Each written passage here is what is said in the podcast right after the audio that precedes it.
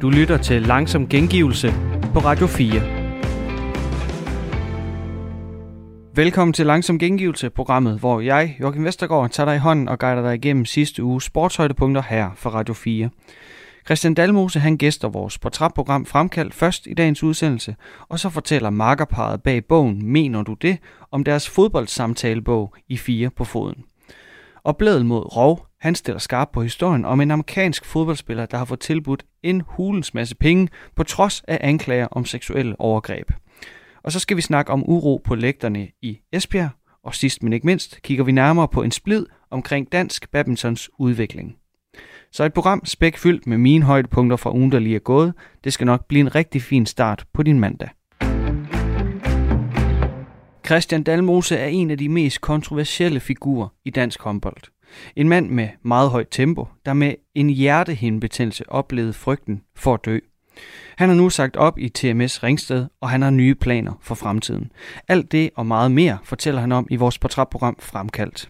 Christian, det, det har jo været fremme i pressen, at, øh, at du blev syg. Du fik det dårligt efter øh, covid og vaccin og så videre, men det har ikke været fremme, hvad der egentlig skete. Hvad kan du fortælle om? Hvad vil du fortælle om, hvad der egentlig skete? Jeg vil fortælle det hele. Øh, nu tror jeg, de røg ud af forbindelsen der. Det gør jeg ikke, men øh, kort situation er jo den, at jeg skal ned og lave øh, kontaktlinser i Ringsted. Øh, og ja, får det øh, mega dårligt, får høj puls, får øh, hjertebanken. Og det skal så siges, at jeg får taget min vak- tredje vaccine den 15. i 12. Fra den dag af, fra samme minutdag, begynder jeg faktisk at få det dårligt. Hvor at jeg tror faktisk, at jeg har corona. Øh, og går flere gange til, jeg tror, han en test hver dag. Fordi jeg har det corona, jeg er trykken for brystet, og jeg har det dårligt og sådan noget. Øh, men vi gør ikke mere ud af det. Øh, det gør man jo ikke, fordi man tror hele tiden, de der symptomer, man har, der er det jo symptomer på, man har covid-19, og ellers så kan, det, kan man godt have nogle symptomer for at have taget vaccinen. Øh, men øh, det er januar måned, 3. januar, hvor jeg skal ned og tage øh, for linser i, der får jeg lige pludselig mega dårligt. Og øh, kører ved Borup, og jeg skal i Ringsted og taget linser i, og ja, der kunne jeg ikke mere. Øh, og jeg kunne stå og køre i åbne vinduer, og jeg var helt fuldstændig færdig. Øh, og så ringer jeg til vores læge for klubben, jeg ringer først til min egen læge, og det er klart, der ved du godt, der er man nummer 37 i køen. Yeah. Øh, så det blev hurtigt droppet. Øh, og efterfølgende, jamen, så øh, ringer jeg til klubbens læge, og øh, hun siger så til mig, ja, bare til en rolig, Christian, kom ned til mig, så kan jeg tage din puls, og så kan vi se, hvad der kan gøre, og hvordan dit blodtryk er. Men der var jeg slet ikke. Øh, det var enten at kunne overleve og køre ned, eller overleve at få en ambulance. Altså, Over... he, snakker vi helt bogstaveligt overleve? Ja, jeg synes, jeg havde det, øh, jeg havde det meget skidt. Jeg har aldrig været så langt ude før. Øh, og man kan sige, at øh, jeg overlever øh, og kører til øh, Slagelse øh, sygehus, hvor hun har klint lige overfor, en praktisk lige overfor, mm. og kører over for et lys og sådan noget, og fuldstændig havde hesiteret, fordi jeg godt mærke, at det, er, det er galt det her. Og jeg skulle have kørt ind til siden, tror jeg 112, ja. øh, men den, det, det, der var jeg ikke, øh, der var ikke stand, jeg var ikke øh, parat til det. Nej. Øhm, og øh, kommer ned til hende og holder på parkeringspladsen. Hun kommer ud, som om at det er sådan en almindelig fredag morgen og siger hej, og lige før hun inviterede ham på rundstykker ind til, hun så, hvordan det så ud. Hmm. Så hun også det var galt. Ja. Øh, kom ind, og så fik jeg taget mit, øh, mit blodtryk. Mm. Øh, og det var øh, 240 over 180 var en blodtryk, jeg havde en puls på 175. Af for helvede.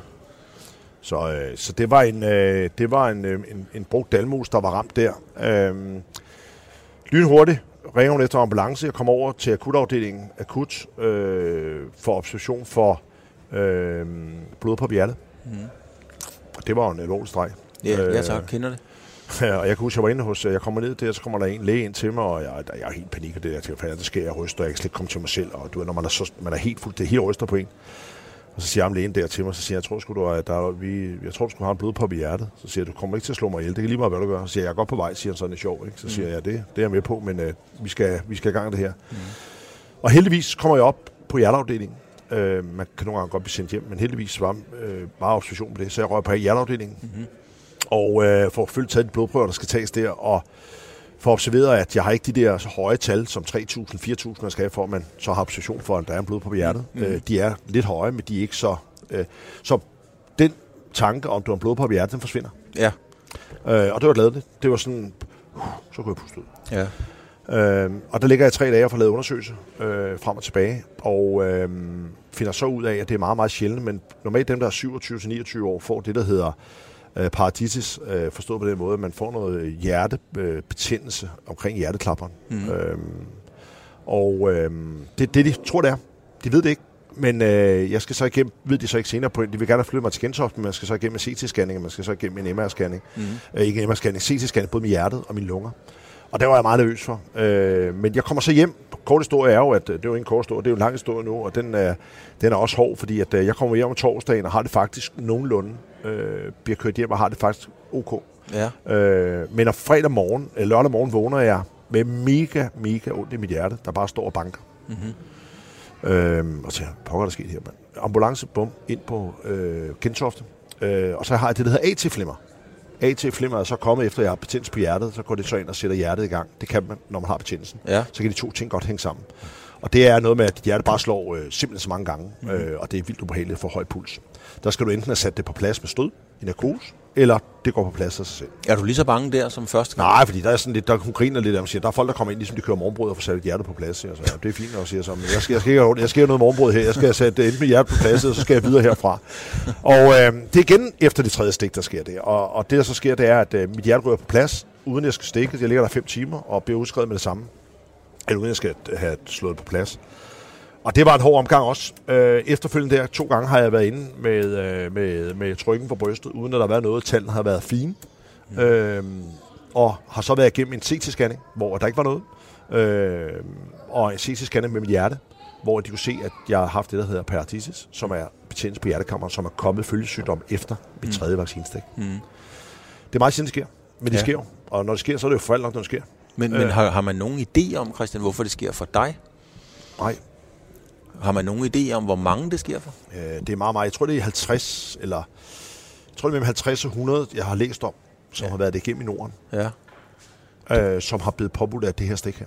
Og det er jo ikke noget, der sådan... Der har været nogle, nogle ting ude om det, men det er jo ikke noget, sådan, man, man det er er gået klart. voldsomt meget op i. Nej, jeg tænker, man prøver at dyste ned. Ja. Hvor, hvor, hvorfor? Hvad tænker du i Jeg den kan være at jeg fik meget, meget god service. Ja. og jeg, det var da ikke sådan, at jeg skulle vente tre uger tid for at få min uh, CT-scanning.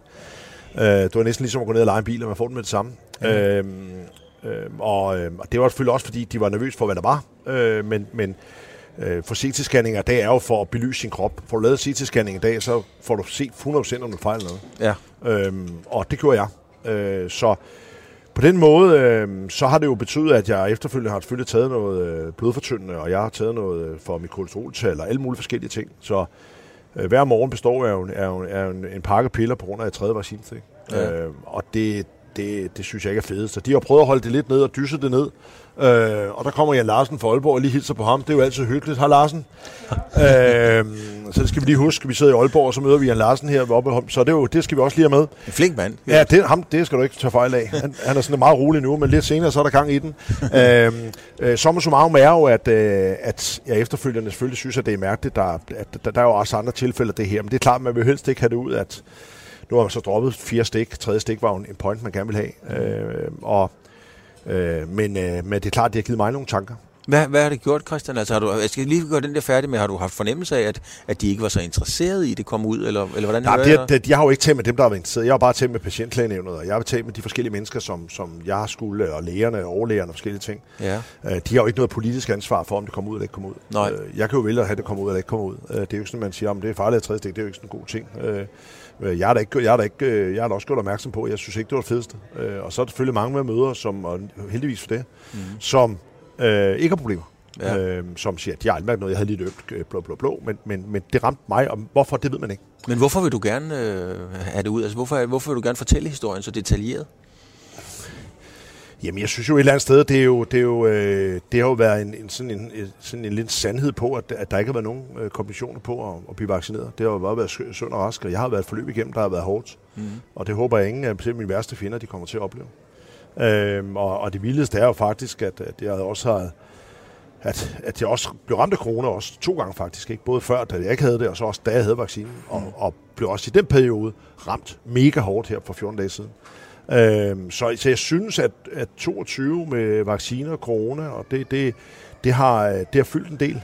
Øh, og jeg synes, det har været en hård tid. Mhm. Du er jo en... Øh, det er det, vi blandt andet skal snakke om, men, men mange opfatter dig jo som... Du er jo sådan en, en macho-mand, kan man sige, som man kan slå sig på. Og det, der var mange, der slog sig på dig, i, da du spillede håndbold, og der, der er mange, der har slået sig på dig i tidens løb. Øh, hvordan, øh, hvordan har man det som den der macho-mand, når man sidder der i bilen og sgu ikke rigtig ved, om man kommer videre? Øh, ja, så, så tror man på sig selv, og man bakker har sig selv op, og man øh, udfordrer sig selv i systemet på, at man gerne vil øh, ud over grænsen igen. Mm. Øhm, og så sørger man jo for at slappe af og få sin krop med, og sit hoved med, og sin øh, fornuft med. Øh, og har måske også kommet nogle opfattelser op på øh, tilværelsen øh, med mig selv. Sådan, øh, sådan træk vejret og gjort nogle ting, måske en lille smule med, med omtanke efterfølgende, og tænkt lidt over øh, livet på, hvordan... Øh, ja, altså eksempelvis kan jeg køre bil endnu. Det kan du ikke? Nej. Altså, er, altså, er det simpelthen mentalt, du ikke kan køre? Altså, jeg, kan, altså, jeg, kan, jeg, jeg kan lige sidde ved siden af. Ja. Øh, men, men for eksempel i går, da vi spillede kamp, og jeg skulle ned der sammen med min kone og køre mig ned til Ringsted, der får jeg det dårligt øh, mellem, øh, med der, hvor det skete mellem Bo og Ringsted. Okay. Der går jeg sådan er i angst øh, mode.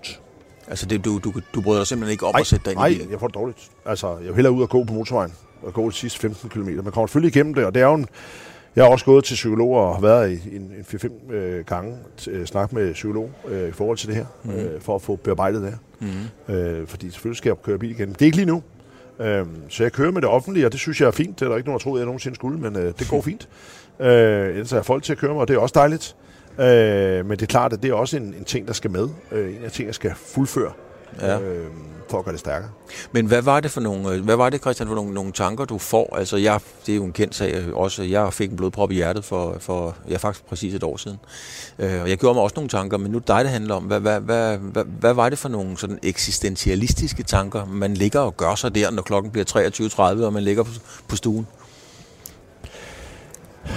Altså, det der var i det her, det var jo ikke stress. Og når man er stress, så tror jeg, man gør nogle ting og sådan noget. Det her, det var jo ikke stressmonteret, men det var måske stress øh, øh, pariteret på, at de ting, der skete, var jo stressorienteret. Mm. Øh, men det var jo ikke, fordi jeg havde travlt. Det var jo, fordi der var, at de ting, der gik ind og gjorde det, var det samme ting, som man får, når man stresser. Det er, man får angst, og man tør ikke, og man, man er bange for, at man dør, og man, mm. man er alle de der forskellige ting. Øh, men, men, men jeg fik jo hurtigt at vide, at jeg ikke skulle være nervøs for de ting her. Men det er klart, at når man vågner op, og man har ondt i brystet, og man strammer, og man har vejrtræningsproblemer, alle de der forskellige ting, så tænker man sig lige på, her, det bliver ved, ikke? Men det er jo på grund af, at jeg har haft den betændelse, der har været der. Fordi hver gang jeg kom ind og fik lavet min tal, så havde jeg supertal. Mm. Supertal. Altså. Øhm, øh, men, men, men det påvirkede bare den betændelse, der var. Mm. Øhm, og øhm, så det var en, øh, det var en, øh, det var en, en lang, øh, lang sej kamp, og helt tilfældigt, så det er jo ikke tilfældigt, men, men øh, min kones øh, fætter, øh, er professor på Rigshospitalet, blandet øh, med, med hjerte og, og sådan forskellige ting. Og det var sådan, øh, hvorfor vi ikke det? Jo, vi vidste godt, vi vidste bare ikke, hvor meget han var inde i det. Og han kom selvfølgelig også ind over det og, og forklarede på, hvordan systemet og hvordan det hele følger op på. Og så fik man sådan en måske lidt mere sådan forklaring på, hvad der er sket. Ja, så kom der ro på. Ja, det synes jeg. Mm. Øh, der kom ro på, øh, på bagsmækken. Øh, men, men Christian, var det ligesom i, i, i amerikanske film, øh, hvor man ligesom ser, og ser sit liv passere revy og tager det op til revision og sådan noget. Var, var du derhen også?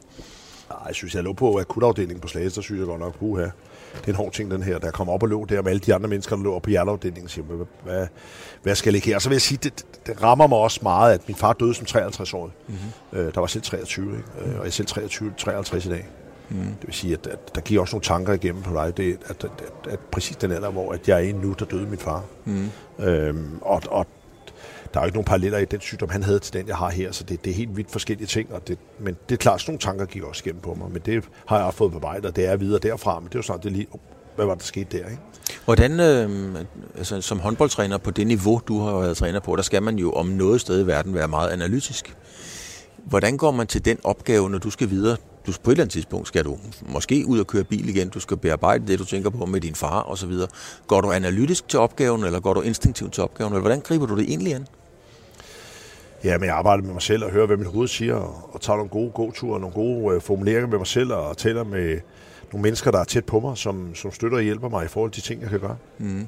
Øh, så det, det prøver jeg ikke at gøre så firkantet, øh, men, men selvfølgelig lytter til de mennesker, der er mere forstand på, end jeg har, og selvfølgelig prøver at lytte til en selv. Det er jo ens egen krop, der skal prøve at sige, du har det fint nu, du skal have det godt, øh, du skal ikke sidde og være angst her, du skal ikke sidde og være, være fabrisk her, sidde og slappe af, sidde og nyde, du har en vand foran dig, du, øh, vi sidder fred og ro og snakker her. Mm. Øh, så, så, så, så, så, så jeg havde det også sådan lidt, okay, vi skal, vi skal tage 55 minutter, det synes jeg var lang tid, ikke? Mm. Øh, fordi det, det fylder meget hos mig, hvis jeg skal tale 55 minutter. Mm. Øh. Men, men du er ikke, som træner, er du ikke sådan umiddelbart typen, man diskuterer øh, taktikken med. Altså der er det dig, man lytter til.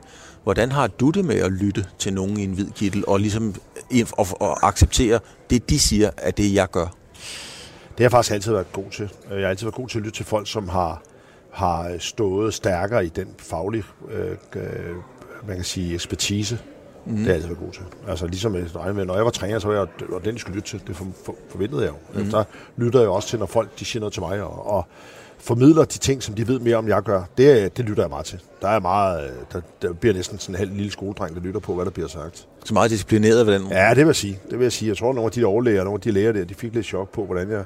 Altså, jeg spørger meget. Jeg er jo sådan, bliver jo en lille sød dreng, ikke? Men, øh, men øh, men øh, de klarede mig meget godt igennem, ikke? Øh, men så fik de bestilt, at jeg ringede på klokken hele tiden, hvis der var et eller andet. De røg kraften ud ind hele tiden ind på min er ham, den gamle mand, der lå ved siden af mig. Han vågnede hele tiden, så han, kan vi ikke snart få det fred og ro, ikke?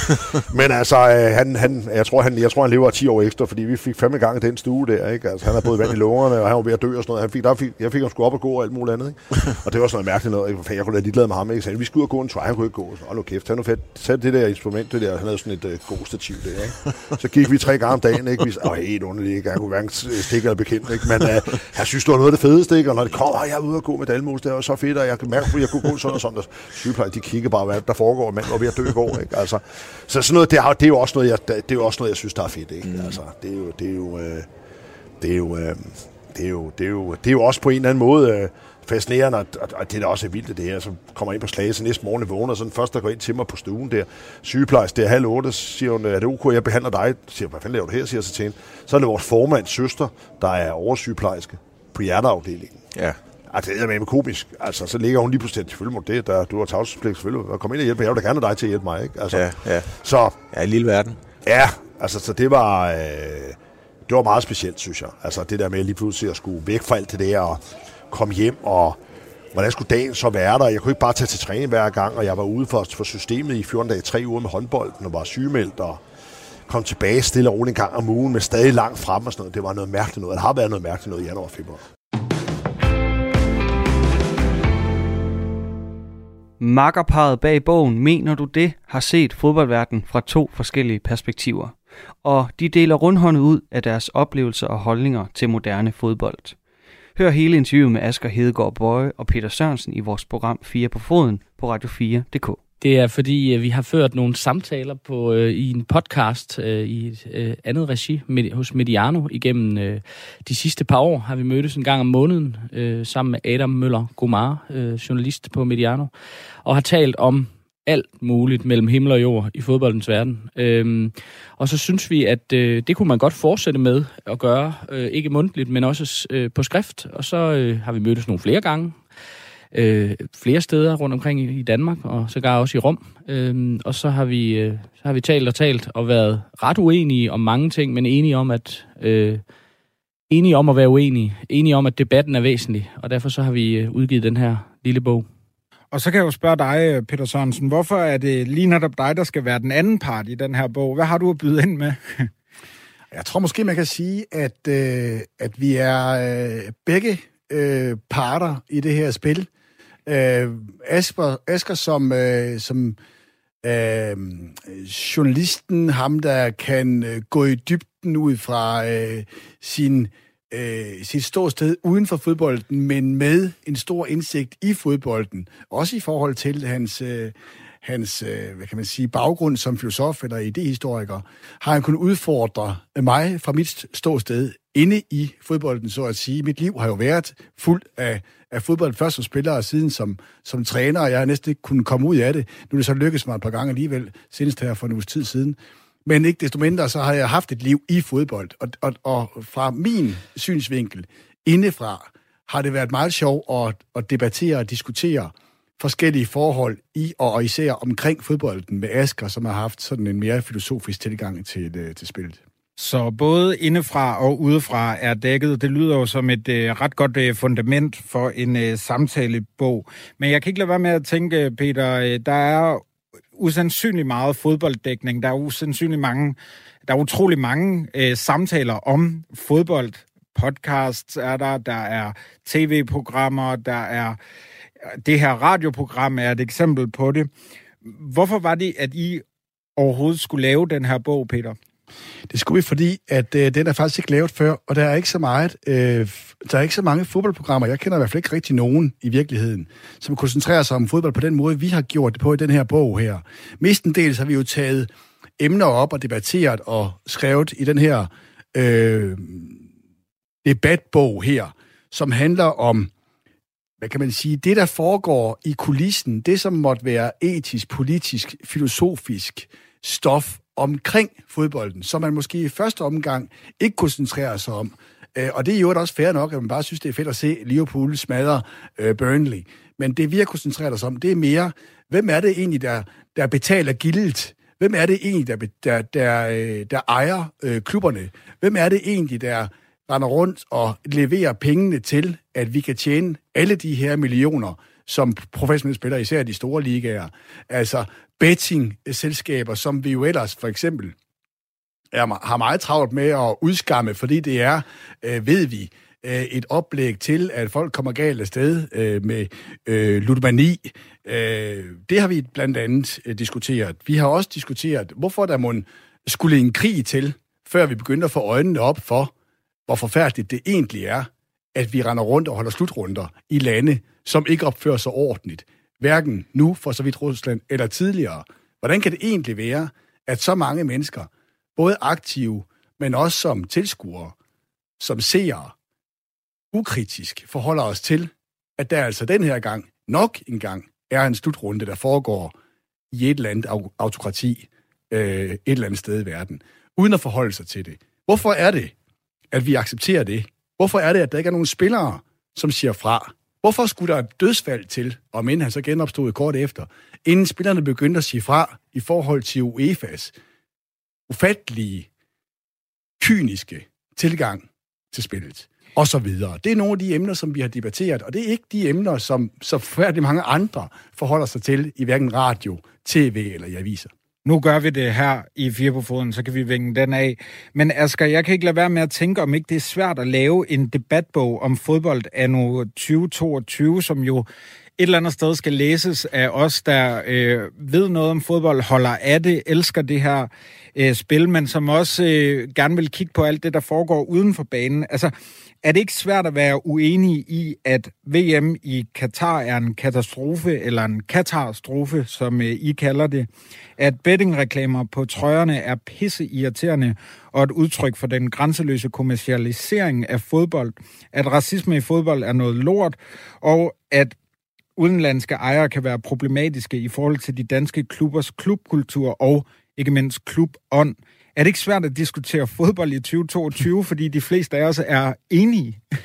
Jo, men altså man kan jo sige, jeg ved ikke om de fleste, altså der er i hvert fald mange af os, der er enige i, at der er de her problemer, som du skitserer nu, men samtidig øh, går vi jo stadigvæk betaler entré øh, på det lokale stadion, eller tegner et tv-abonnement, som finansierer øh, den liga, vi nu holder af, eller køber en fodboldtrøje til vores søn, eller sådan. Så, så jeg tror, det vi gerne vil stille øh, skarp på, er ikke kun fodboldens øh, skyggesider, men også det der, hvad skal man sige, det der spil, der er imellem, øh, at vi på den ene side elsker den her sport, sådan har både Peter og jeg det jo også, øh, og vi så samtidig kan se de her problemer i det. Og det er ikke sådan en bog, hvor vi vil nå frem til, at øh, vi skal ikke tage til Katar, eller øh, VAR er en dårlig... Øh, øh, øh, et, øh, er dårligt, det er dårligt, at VAR er introduceret i, i moderne fodbold osv., men vi diskuterer det frem og tilbage, og vi er faktisk ret øh, uenige om mange ting. Øh, og, og det er vi nok, fordi vi også står hver vores sted. Altså Peter inde, inde i sporten, kan man sige, og, og, og mig udenfor som en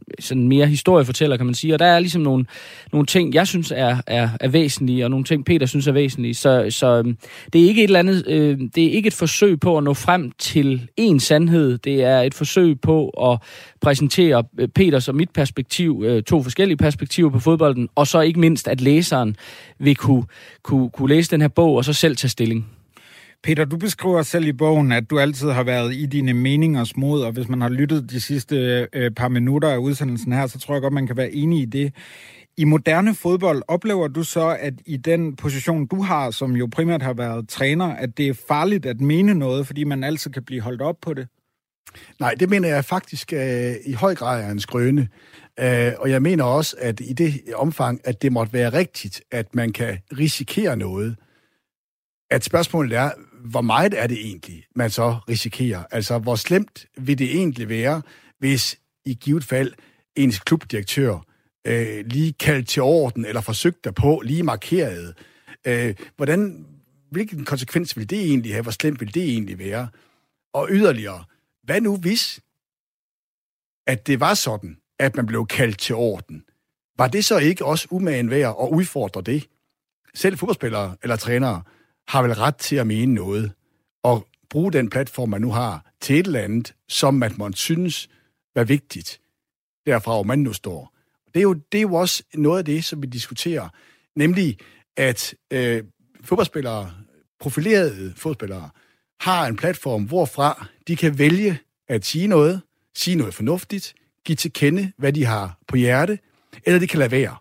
Man kan lade være med at udtale sig. Man kan være helt stille omkring alting, undtagen når man lige skal fortælle, hvor dygtig man var, lige da man scorede, eller hvordan man havde det, lige efter man vandt eller tabte. Men man kunne også vælge at bruge den platform, som for eksempel øh, Rashford fra Manchester United har gjort i den her coronatid, hvor han har været aktiv og gået ind og samlet ind og gjort til kende, at der var altså nogle børn, der var blevet sendt hjem, der ikke kunne få frokost, fordi at de var ude af fattige familier og startede en indsamling for det. Det brændte han for. Og det er ikke så vigtigt, hvad man brænder for, men det vigtige er, at man bruger, eller man er bevidst om, at man kan bruge sin platform til noget, der kan få en påvirkning for andre mennesker. Men Peter, nu er du lige blevet fyret fra Vejle. Jeg kan ikke lade være med at tænke, at du bedre som ekspertkommentator med en masse meninger end jobbet som cheftræner, hvor man måske skal tænke lidt mere over de her udtalelser? Nej, jeg er meget dårlig til at tænke over det, jeg siger i almindelighed. Men jeg synes, jeg kan klare begge dele øh, relativt kvalificeret, det vil, jeg, det vil jeg påstå, efter at have øvet mig i relativt mange år. Jeg synes altså ikke, at det behøver at stå i modsætning. Altså, at man er inde i øh, fodboldverdenen som aktiv, og at man så øh, stadigvæk kan sige noget. Altså, det kan ikke hjælpe noget, at, at, at fodboldspillere og trænere er så døde kedelige, kedelige, at det, som jeg sådan med mit begrænsede talent for at spille fodbold i sin tid, og nu for at træne, alene tror, at vi kan underholde folk ved at levere en eller anden omgang middelmåde fodbold. Indimellem skal der mere til, og det er ikke fordi, vi skal være klovne, og det er ikke fordi, at vi nødvendigvis skal øh, en hel masse, der rækker ud over fodbold som underholdning. Men vi må godt være levende mennesker, som tør at vise os selv og give udtryk for, hvem vi er og hvad vi står for. Det savner jeg personligt i hvert fald meget ofte i den her fodboldverden her. Men Peter, nu er det jo ikke nogen hemmelighed, at uh, du blev fyret i uh, mandag, så vi havde faktisk et indslag om det her i uh, Fire på Foden. Vi havde besøg af klummeskribent fra Bold.dk, Sandro Spasujevic, der kalder dig en uddateret træner. Er det, er det, er det færre af ham? Uh, det var han jo, selvom hvad han mener, jeg forstår, jeg, jeg, jeg har ikke hørt uh, det indslag, og jeg forstår ikke, hvad det betyder heller, at jeg er uddateret. Øh, jeg synes, at uh, senest var der øh, rigtig godt gang i et uh, projekt i Vejle, som jeg synes, at det var i høj grad levedygtigt, at, at det besluttende organ i Vejle Boldklub ikke mente det. Det betyder jo ikke nødvendigvis, at, at alt håb for mig er ude, tænker jeg. Nej, det, det håber jeg øh, øh, sådan set øh, heller ikke. Jeg synes øh, jo, i kraft af dine udtalelser også, at du har en, øh, en plads i øh, fodboldens verden på den ene eller den anden måde. Asger, du er jo så faktisk øh, en af de journalister, som jeg har set, der, der faktisk mener noget om rigtig meget i, i fodboldverdenen. Men Peter Sørensen, han siger det her med, at du kan se det lidt udefra. Er det ikke også lidt en gratis omgang i den her samtalebog, at at have dig med, fordi du jo ikke har øh, rigtig hånden på kogepladen. Altså, du kan jo ligesom bare øh, sige og skrive, hvad du mener, og så har det ikke de store konsekvenser. Jo, men det er jo rigtigt, at, øh, at der er nogle, øh, man kan sige, andre konsekvenser, eller, eller i hvert fald, øh, der er noget andet på spil. Altså hvis man er fodboldspiller, eller fodboldtræner, så, øhm, så er man hele tiden til eksamen. Det er man jo hver tredje eller syvende dag, og alle andre rundt omkring, som interesserer sig for, for sporten, og ikke mindst sådan nogle journalister som mig selv, spekulerer i, at Nå, nu den her træner måske ved at blive fyret, eller kunne han være på vej til en større klub, osv. osv. Øh, og det er jo rigtigt nok, der er jo, det er jo sjældent, der er nogen, der sådan der sådan kommer efter os, altså journalisterne på samme måde. Øh, men jeg vil alligevel ikke kalde det en, en gratis omgang, fordi man kan sige, altså fodbolden har også været en del af mit liv, øh, fra jeg var øh, lille. Ikke som aktiv, men, men som øh, iagtager, kunne man sige.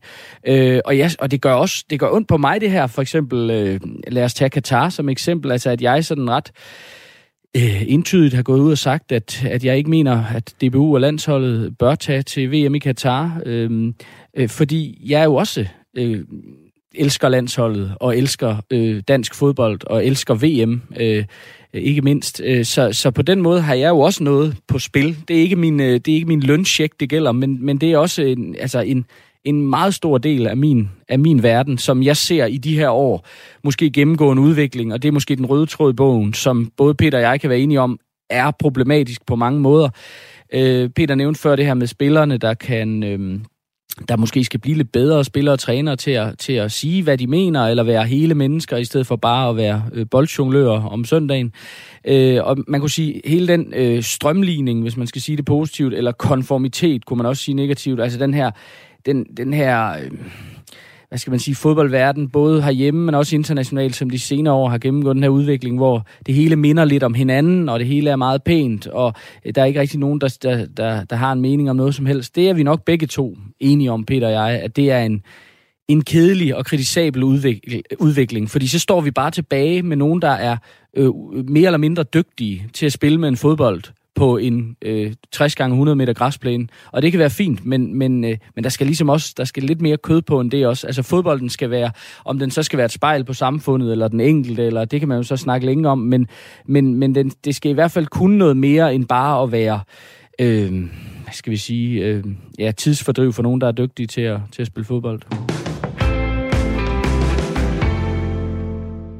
Og nu skal vi ret blikket mod den anden side af Atlanten.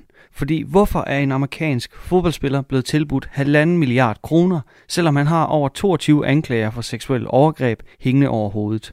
Det undersøgte Tue Blædel i vores program Blædel mod Rov. Øh, Tommy Kærsgaard, som er NFL-kommentator på Viasat. Tommy Kærsgaard, øh, velkommen til programmet. Jo, mange tak. Øh, Tommy, hvis vi lige starter med Deshaun øh, Watson. Øh, hvor stor et talent fodboldspiller har vi med at gøre her?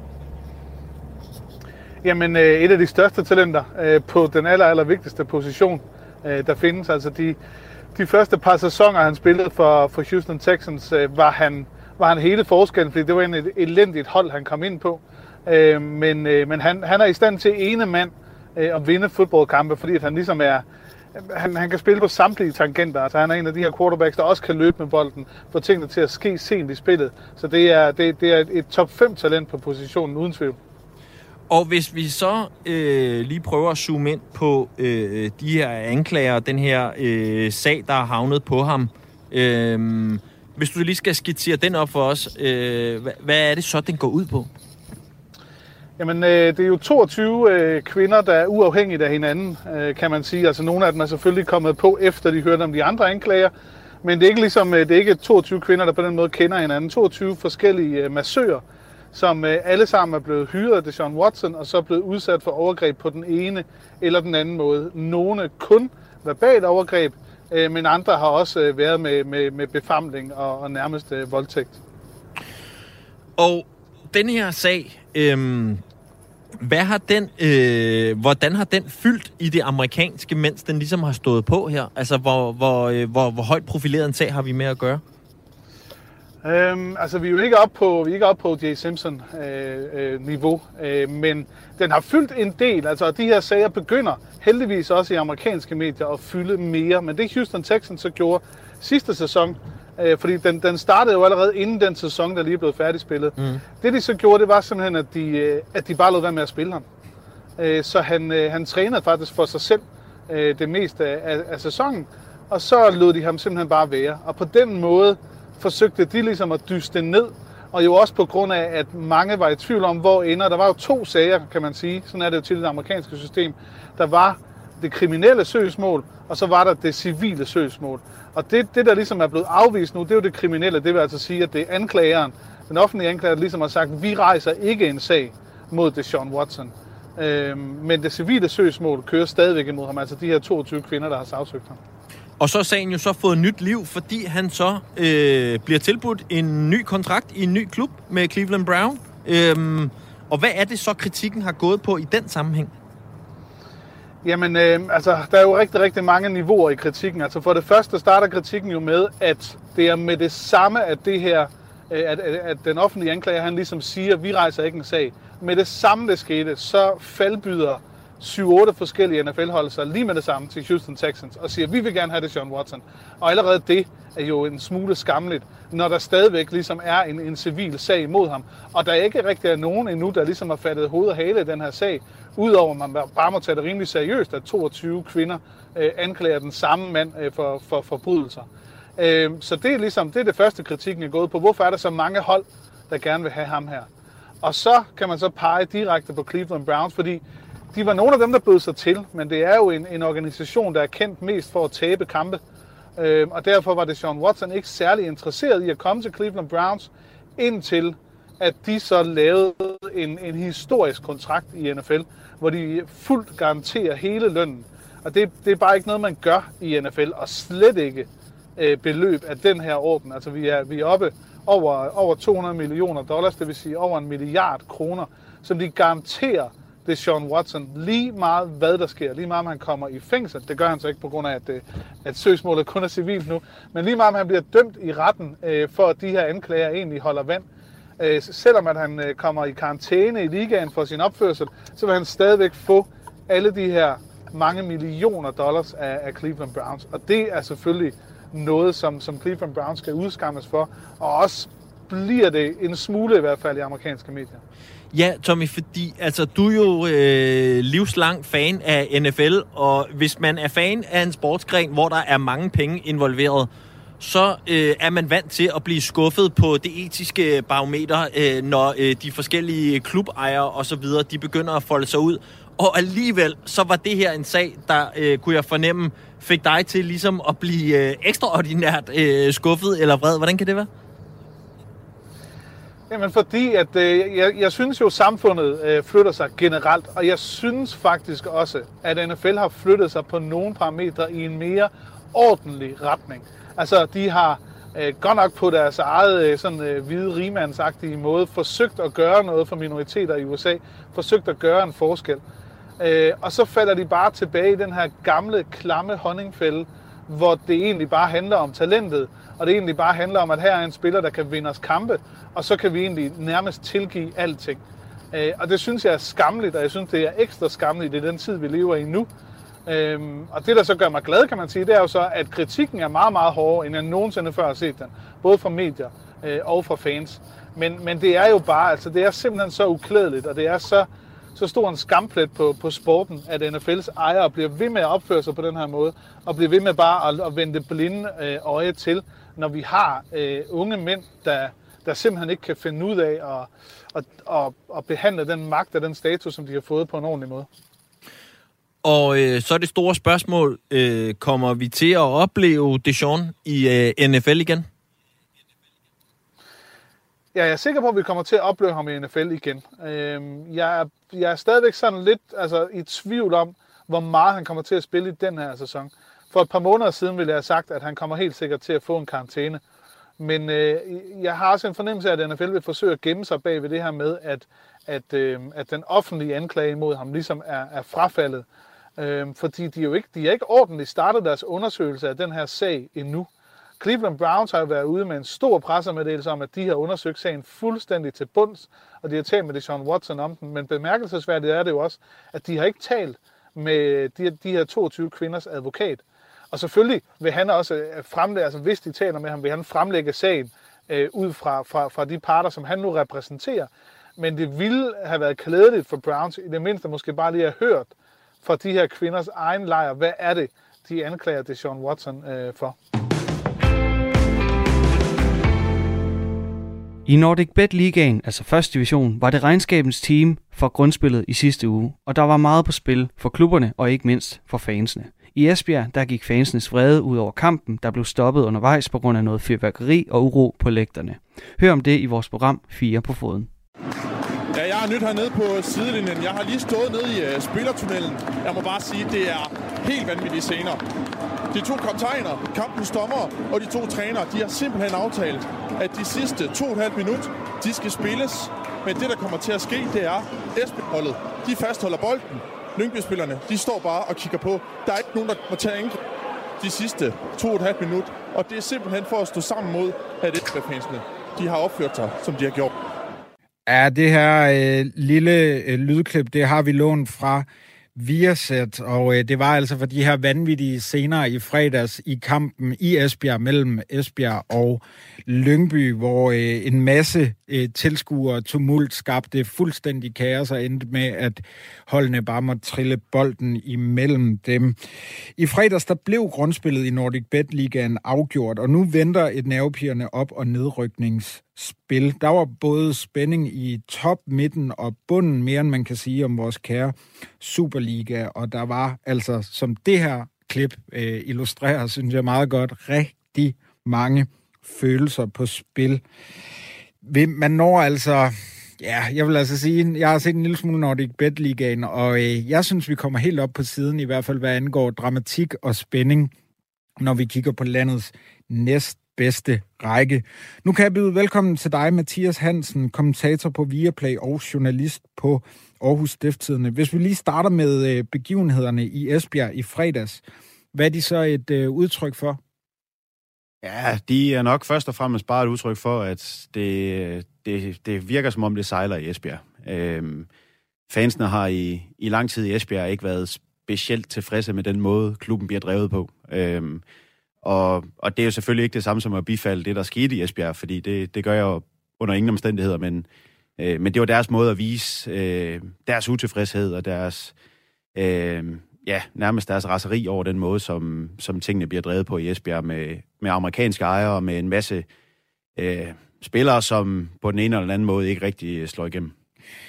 Altså, jeg kan ikke lade være med at tænke, altså, der, det virker til, at der er så meget frustration, der bare er boblet i det her, der så ender med at blive en heksekedel. Bunder det egentlig i, at Esbjerg bare er for gode til at rykke ud af Nordic Bet Ligaen, og det egentlig er den vej, det lige ser ud til at gå lige nu?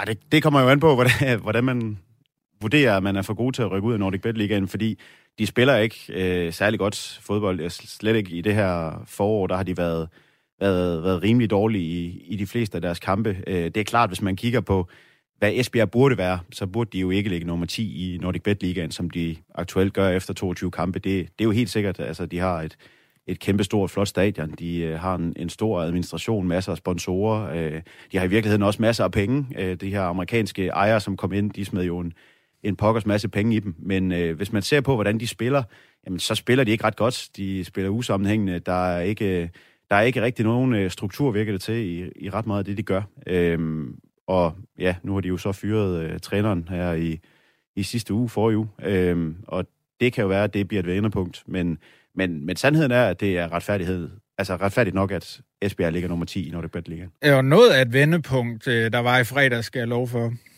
Ja, det, øh, det, det fungerede ikke lige. Øh, men, øh, men, men ja, det, det kommer jo også af et, et tidligt rødt kort til Esbjerg, og og alle de her ting, man møder Lyngby, som er et godt hold, som måske ender med at rykke tilbage op i Superligaen. Øhm, så at de tabte 0-3 til, til Lyngby, det var ikke nødvendigvis odiøst taget betragtning af, hvordan sæsonen har været indtil nu, men det er da klart, at Esbjerg de burde være tættere på, end, end de er øh, aktuelt. Tidligere i dag, der fik jeg fat i et øh, førstehåndsvidne, nemlig øh, Lyngbys assistenttræner øh, Jonathan Hartmann.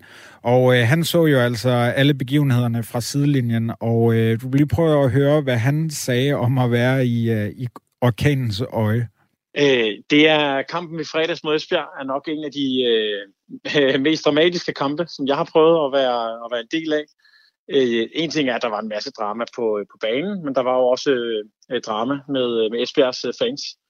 Øh, det var en øh, ja, det var en dramatisk kamp, det var en særlig kamp, øh, og netop måske fordi den var så særlig, så dramatisk, så føltes øh, busturen hjem ekstra dejligt, da vi kom derfra med, med tre point. Hvad stod du og tænkt, mens de her øh, begivenheder fandt øh, sted med, med alt det her øh, fyrværkeri og uroligheder? Øh, jamen, jeg stod og tænkt, øh, lad nu være med at kaste flere ting, og lad nu være med at gøre flere ting. Øh, og det var jo både ud fra sådan en... Øh, hvad skal man sige, det var, det var både ud fra, at jeg vidste jo, der sidder en masse familier og, og fans og, og børn og så videre på, på stadion. Øh, men jeg havde jo også lyst til at spille fodbold, eller træne mit fodboldhold. Øh, og, og, og pausen, den første pause kom på et lidt ubelejligt tidspunkt, hvis man kan sige det sådan, hvor vi lige havde scoret for rødt kort og havde et frispark på et farligt sted. Øh, så jeg stod og tænkte, øh, lad nu være med det pis, for at være helt ærlig. Øh, jeg er med på, at øh, god stemning og så videre er en del af fodbold. Men øh, det synes jeg måske ikke øh, kanonslag er. Og hvordan, øh, du siger det her med, da I så endelig kunne køre væk fra Esbjerg øh, i bussen med øh, tre point, øh, at det var en rigtig dejlig øh, fornemmelse. Hvad var det, der fyldte i spillerbussen på vej hjem? Øh, ja, men øh, sejren og clean sheet var de to ting, der fyldte rigtig meget. Øh, vi havde en øh, lidt uheldig hjemmekamp for nylig, øh, som øh, endte med et, øh, med et, øh, et nederlag til Nykøbing. Så det var rigtig vigtigt for os at få revanceret øh, i fredags. Og det, fik, det går vi heldigvis. Øh, og vi er glade for den måde, vi fik sejren på. Nogle af de ting, vi har trænet, kunne man se i spillet.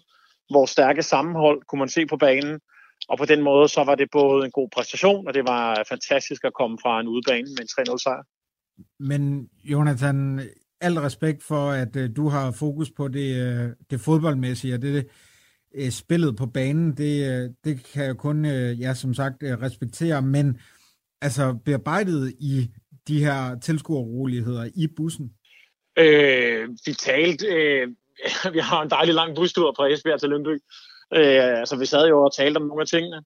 Øh, vi sad også og talte om, hvad, øh, hvad konsekvenserne af det kunne være. Øh, men øh, for os, der er fodboldtrænere for Lyngby, der er vores, øh, vores første og vores største fokus, det er på Lyngby spillere og Lyngbys øh, fodboldhold.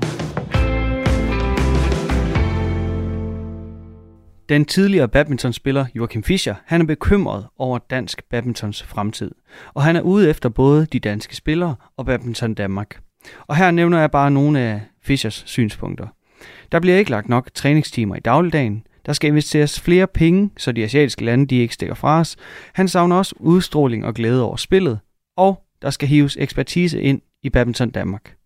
I sportsugen der tog vi en snak med både ham og sportschefen i Badminton Danmark. Er det det hele, der er galt i dansk badminton? Det lyder nærmest sådan.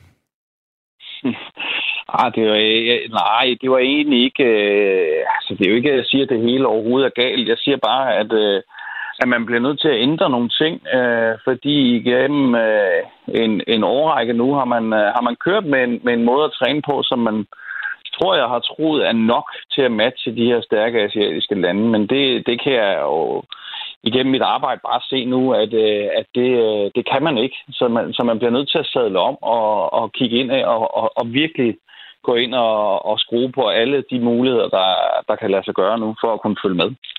Altså, der var en gang, øh, da jeg var ung, der kom øh, Prakas Padukone og, og andre store af de bedste i verden. De kom jo til Danmark for at lære noget.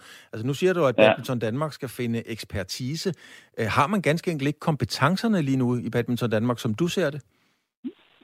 Jeg ved ikke, om man ikke har, eller har de rigtige folk til tingene, men, men, men det er klart, at man bliver nødt til på et tidspunkt at sige, okay, den her, den her måde, vi kører tingene på, den lige nu, den avler ikke gode nok spillere. Det gør den ikke. Vi, vi, vi er udover Victor og selvfølgelig Anders Antonsen i Hersing, så er vi ikke i toppen i de andre kategorier. Det vil være vant til i, i en meget, meget lang årrække, og det er vi ikke lige nu. Så derfor bliver man jo nødt til at sige, hvad er det egentlig, der går galt, og hvad, og hvad kan vi gøre bedre?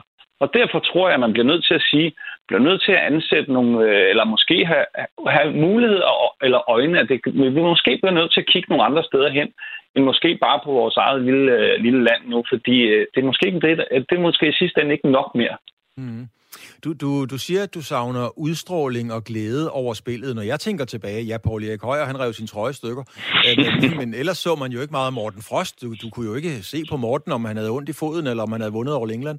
Altså, hvad, hvad er forskellen på spilglæden i dag og, og så tidligere?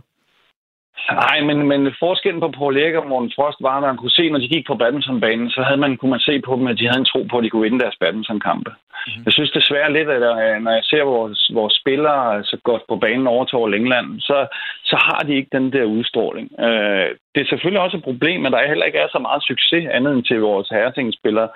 Så det, så det er jo sådan lidt det, hvor det hænger sammen. Det er også den, derfor, jeg siger, at man bliver nødt til at gøre noget nu, fordi ellers så, løber, så bliver vi altså løbet midt over, og vi er en kæmpe stor badminton-nation Danmark. Vi er meget respekteret i hele verden.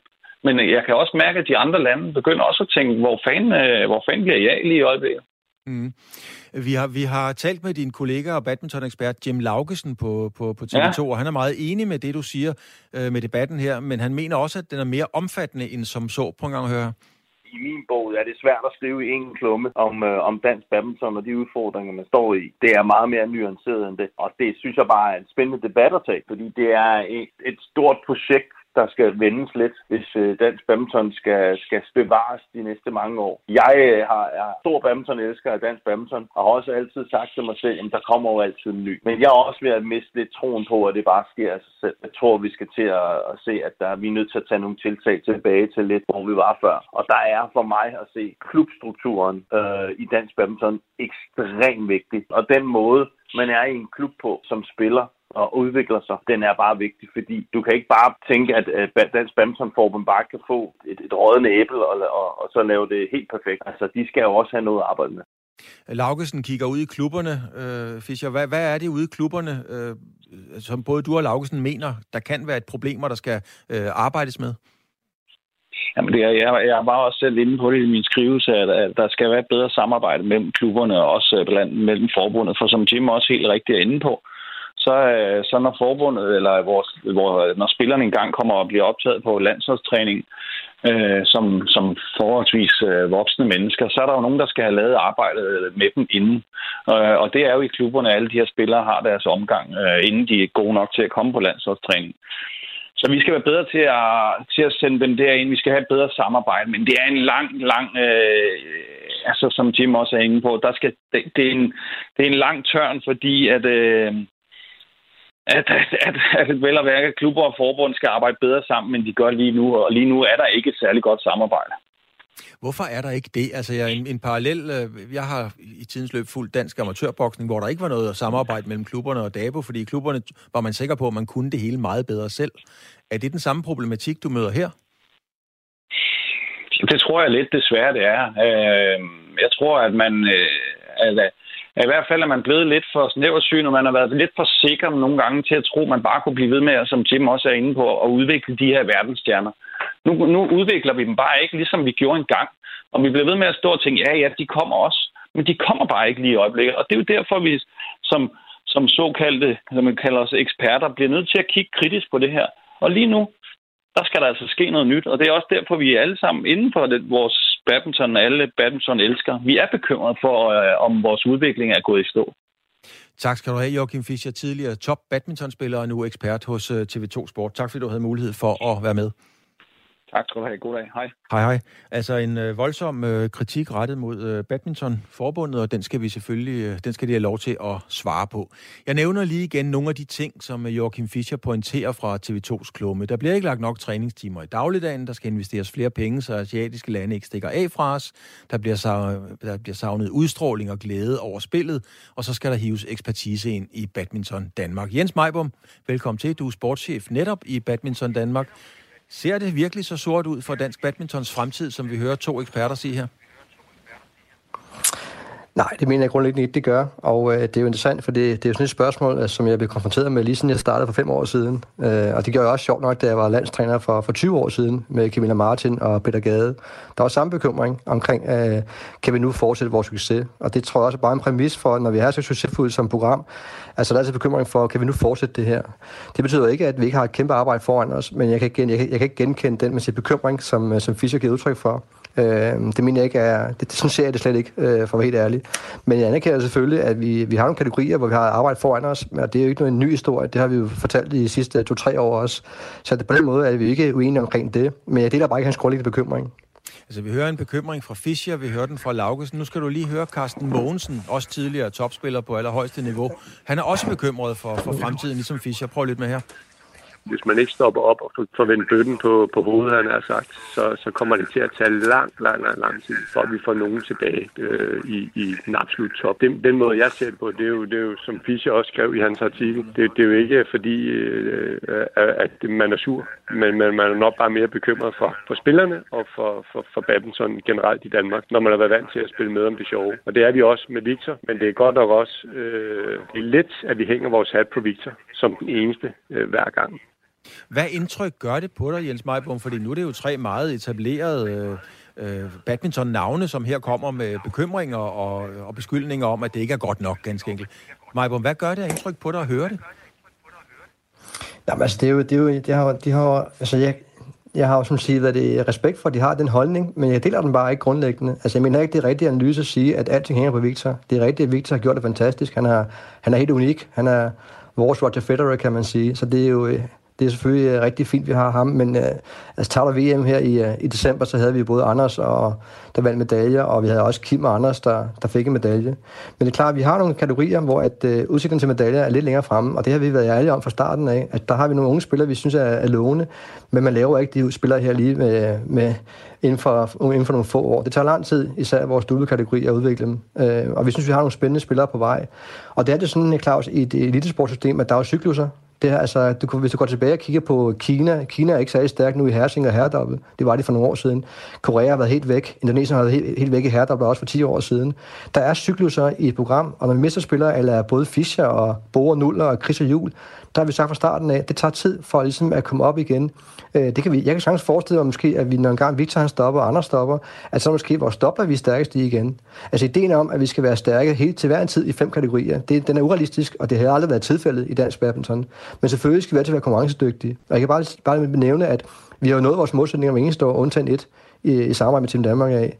Øh, og vi har, øh, flere år har vi overgået dem. Og det, det forventer vi også at kunne gøre i fremtiden også. Det betyder ikke, at vi kommer til at vinde guld i alle fem kategorier. Altså hvis det, hvis det er ligesom det, der er, er mål, målsætningen for, for det, vi skal måles på, så kommer vi til at skuffe folk. Men hvis vi er konkurrencedygtige til alle vores store mesterskaber, og vi skal have nogen, der er, der er relevant i forhold til at kunne vinde medalje til Danmark, det er vores mål. Øh, og det forventer vi også at kunne gøre, både nu og her selvfølgelig, men også i fremtiden. Men Jens Meibum, altså, det er jo også en kendskærning, at øh, uh, Victor Axelsen har jo pakket sin kuffert og taget til Dubai. Kunne det ikke også være et udtryk for ting, tingenes tilstand? Nej, sådan oplever det ikke, og det er ikke det, Victor har givet udtryk for. Altså, Victor er blevet øh, All øh, verdensmester og OL-mester, øh, da han var en del af programmet, og han var hjemme tre uger før All England, og jeg er meget glad for det. Det er vi også selv. Øh, har haft en god forberedelse frem til All England. Altså, det der med at, at skrive Victor ud af ligningen og sige, at han har intet at gøre med dansk badminton, det synes jeg også er alt for unuanceret. Øh, selvfølgelig havde vi foretrukket, at Victor var blevet hjemme. Øh, vi har respekt for hans beslutning, men at, øh, at det er udtryk for, at der er noget galt, det er slet ikke det, han udtrykker selv over for os, og vi har et fint samarbejde med ham. Igen, jeg synes, det er alt for unuanceret, hvad det er tolkning på, på, på, på hans flytning. Mm. Når jeg lytter til dig, Jens Barbe, så lyder det som om, at du har svært ved at tage den her kritik seriøst. Nej, altså vi, jeg, jeg anerkender, at vi, at vi har et hårdt arbejde for os i forhold til nogle kategorier. Det lægger vi ikke skjult på, at, øh, at vi har nogle kategorier, hvor vi gerne vil være bedre, og vi også historisk har været bedre. Der arbejder vi stenhårdt på, og det forventer vi også, at vi kan gøre. Men ja, det er bare, hvad det prøver at appellere til, det er en forståelse for, hvad det tager af tid, og at øh, vi altid har haft den her bekymring i dansk badminton. Det kommer vi også til at have fremadrettet også. Når gang Victor stopper, så vil være bekymret for i forhold til herresingle. Hvad sker der så? Jeg tror, det er en præmis for vores arbejde, øh, men jeg køber bare ikke den grundlæggende bekymring for, at vi står dårligt dansk badminton. Jeg synes, på mange parametre vi faktisk klarer os rigtig godt. Øh, jeg er så enig i faktisk nogle af de ting, som Fischer bringer på banen i forhold til fysikken, øh, for eksempel. Det er noget, vi har meget fokus på, og det bliver jo vigtigt og vigtigere i, i, i generelt i elitesport, at øh, fysikken betyder meget. Vi har opgraderet rigtig meget i forhold til fysisk træning. Øh, personlige træner og to fysiske trænere, de rejser med ud og så videre. Øh, men, men ændrer ikke ved, at jeg er enig med Fischer i, at fysikken spiller en stor rolle, og der er nogle af vores spillere, de er jo ikke, de er jo ikke klar endnu. De er jo ikke udviklet nu rent fysisk. Øh, Victor Axelsen har, har gennem til 15 år lagt 15 kilo på. Det gør man ikke lige på en formiddag. Og i forhold til at træne meget, vil jeg sige, at altså vores udfordring er ikke, ikke, ikke, at vi ikke træner nok. Vores udfordring er, det er dosering. Vi har rigtig mange spillere, der er udfordret i forhold til, til overbelastningsskader. Øh, Victor har været overbelastet, det har været det øh, Gemgert nu, Mia er det, Kim Astrup har været det, Frederik Søgaard, Lasse Mølhed. Jeg kunne nævne mange spillere, der døjer med overbelastningsskader, fordi vi ligger på kanten i forhold til, at vi kan træne. Så det er ideen om bare at træne mere. Igen, det kunne være det kunne være rart, hvis det var så nemt, men det er det ikke. Det er komplekst, og det handler om dosering, og det handler om planlægning. Men, men så ved det, jeg er jo enig med, at der skal trænes meget, men, men ikke, at, bare, at det bare er løsning på alt. Men Majbom, der forærer du mig jo nærmest strafspark ved at sige, at der er mange, der er overbelastningsskader, så, så kunne det jo tyde på, at ikke at du sidder det ordentligt. Ja, i hvert fald en udfordring. Vi, vi sidder med heldigvis med nogle af de fremmeste, det eksperter, fysiologer og fysisk træner og fysioterapeuter ved Team Danmark af, og prøver at lave samarbejde med dem. Men det er, det er jo rigtigt, hvad Fischer siger, det kræver rigtig meget træning, og det kræver mere og mere træning, og først og fremmest øh, kvalitetstræning. Altså det var lige også for at slå fast, Victor har aldrig trænet 6 timer i handen. Lars Hansen havde aldrig trænet 6 timer i handen, men de har selvfølgelig trænet med kæmpe høj kvalitet og høj intensitet. Men pointen bare det er, at øh, jeg mener ikke, at, det, at der er overhovedet noget, noget, noget som helst data eller erfaring, der siger, at nu skal vi være 6 timer i handen hver dag. Det, det, det, det, det, det er der simpelthen bare ikke. Men det ender ikke ved, at man skal træne rigtig meget, og det er en udfordring for os at, at hele tiden få den rette dosering, øhm, så de ikke bliver skadet, så vi får de her løbende progressive øh, det fremgangen, både i deres øh, spil, men også i deres fysik. Og det var mine udvalgte sportshøjdepunkter, og dermed også enden på langsom gengivelse for den her gang. Gå nu lige ind og find programmerne, så kan du høre dem i fuld længde. Det kommer du ikke til at fortryde, det garanterer jeg. De kan findes i din lokale podcastbutik eller på radio4.dk. Vi har lyttet til programmerne Blædel mod Rov, Fire på foden, Sportsugen og Fremkaldt. Mit navn det er Joachim Vestergaard. Vi lyttes ved i næste uge, samme tid, samme sted. Tak fordi du lyttede med.